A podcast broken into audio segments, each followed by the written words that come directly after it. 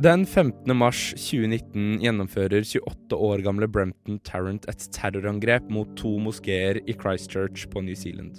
Denne serien handler om noe spesielt ved Tarrants terrorangrep, nemlig Tarrants sexvåpen. For på de sorte våpnene har Tarrant skrevet med tykke, tusjede, hvite bokstaver. Bokstavene utgjør ord, 200 ord som refererer til hendelser, personer eller ideer, med den intensjon om at hans likesinnede skal kjenne dem igjen og forstå meningen. Hva er disse ordenes mening, og hvor kommer de fra? I denne serien vil jeg ta for meg noen av disse begrepene, og forsøke å forklare opphavet og betydningen. Dette er Den hvite skriften. Del 2 Charles Martell.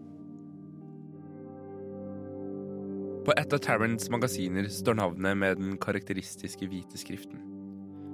Hvem er han, og hvorfor blir han hyllet av en terrorist? Vi må tilbake i tid. Langt tilbake i tid. Til 700-tallet.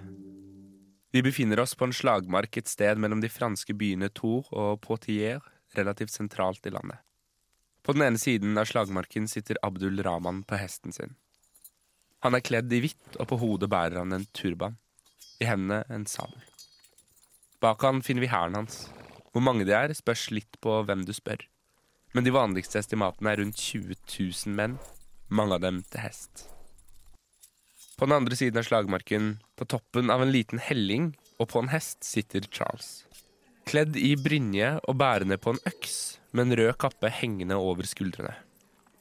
Foran han, i en skjoldmur, står hans franske soldater. De fleste på egne bein. Soldatene som omringer Charles, teller et sted mellom 15 og 20 000.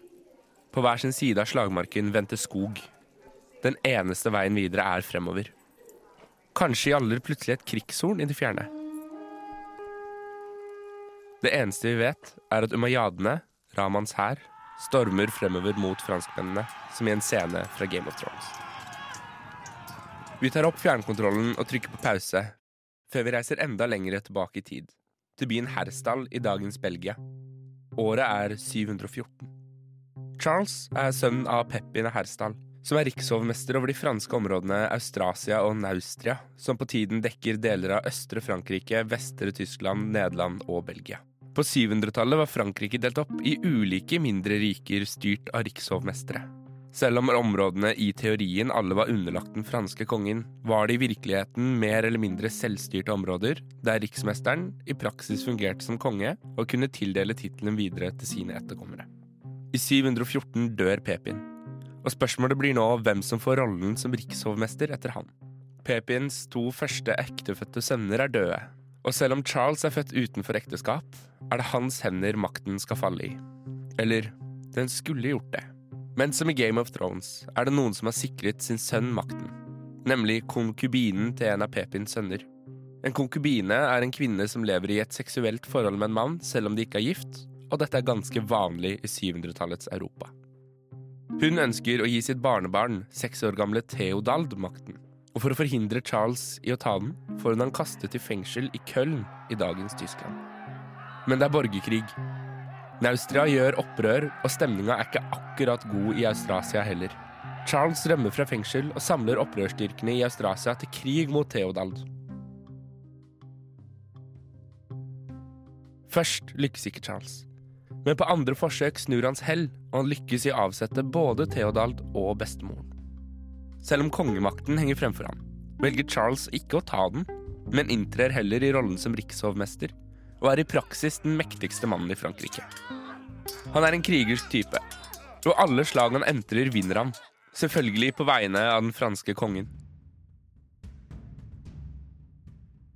Det begynner å bli på tide at vi møter Charles' motstandere i slaget. Umayyadene. De var et muslimsk dynasti som på denne tiden hersket over store deler av den muslimske verden, og som på slutten av 600-tallet lykkes i å erobre store deler av den iberske halvøy.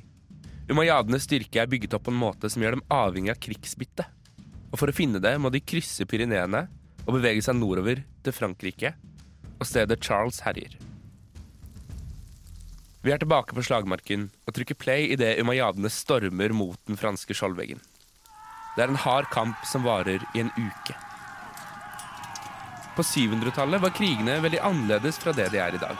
Mens man i dag, når man kjemper en krig, gjerne kjemper både dag og natt, kunne de på 700-tallet gi seg når kvelden kom krypende, og begynne slaget igjen dagen etter. Når kampen gir seg og de trekker inn i teltene den syvende dagen, er majadenes leder Abdul Rahman død. Når franskmennene våkner dagen etter, blir de overrasket idet de oppdager at arabernes telt er tomme. De har stille rømt i ly av natten og Charles og franskmennene blir stående igjen som vinnere. Charles får her tilnavnet Martel, hammeren. Vi vender tilbake til Tarrant, for det er ikke bare Charles Martel som står nevnt på våpenet. Det samme gjør Thor 732, den vanlige europeiske betegnelsen på slaget. For hva har egentlig alt dette med høyreekstremismen å gjøre? Her er historikerne splittet. De er enige om at slaget styrker Frankrikes stilling, og at dette svekker araberne på den iberiske halvøy. Men de er usikre på hva det har å si for resten av Europa. Noen historikere mener at slaget har liten betydning, og at det eneste araberne var ute etter, var krigsbytte. Men noen mener det har alt å si for kristendommens stilling i Europa. Den britiske historikeren Edward Gibbon går så langt som å hevde at dersom det ikke hadde vært for dette slaget, perhaps the interpretation of the Koran would now be taught in the schools of Oxford and her pulpits might demonstrate to a circumcised people the sanctity and truth of the revelation of Muhammad. Og vi får tro at Tarrant er en av disse. At når han skriver disse ordene på sine våpen, er det en referanse til slaget som sikret kristen dominans i Europa. Eller kanskje han heller ville sagt slaget som forhindret muslimene. Det samme han ønsket å gjøre idet han angrep moskeene på New Zealand. Den hvite skriften er laget av Opplysningen 99,3 og produsert av Radio Nova. Hele serien finner du under Opplysningen 99,3 der du ellers hører podkaster. Nova.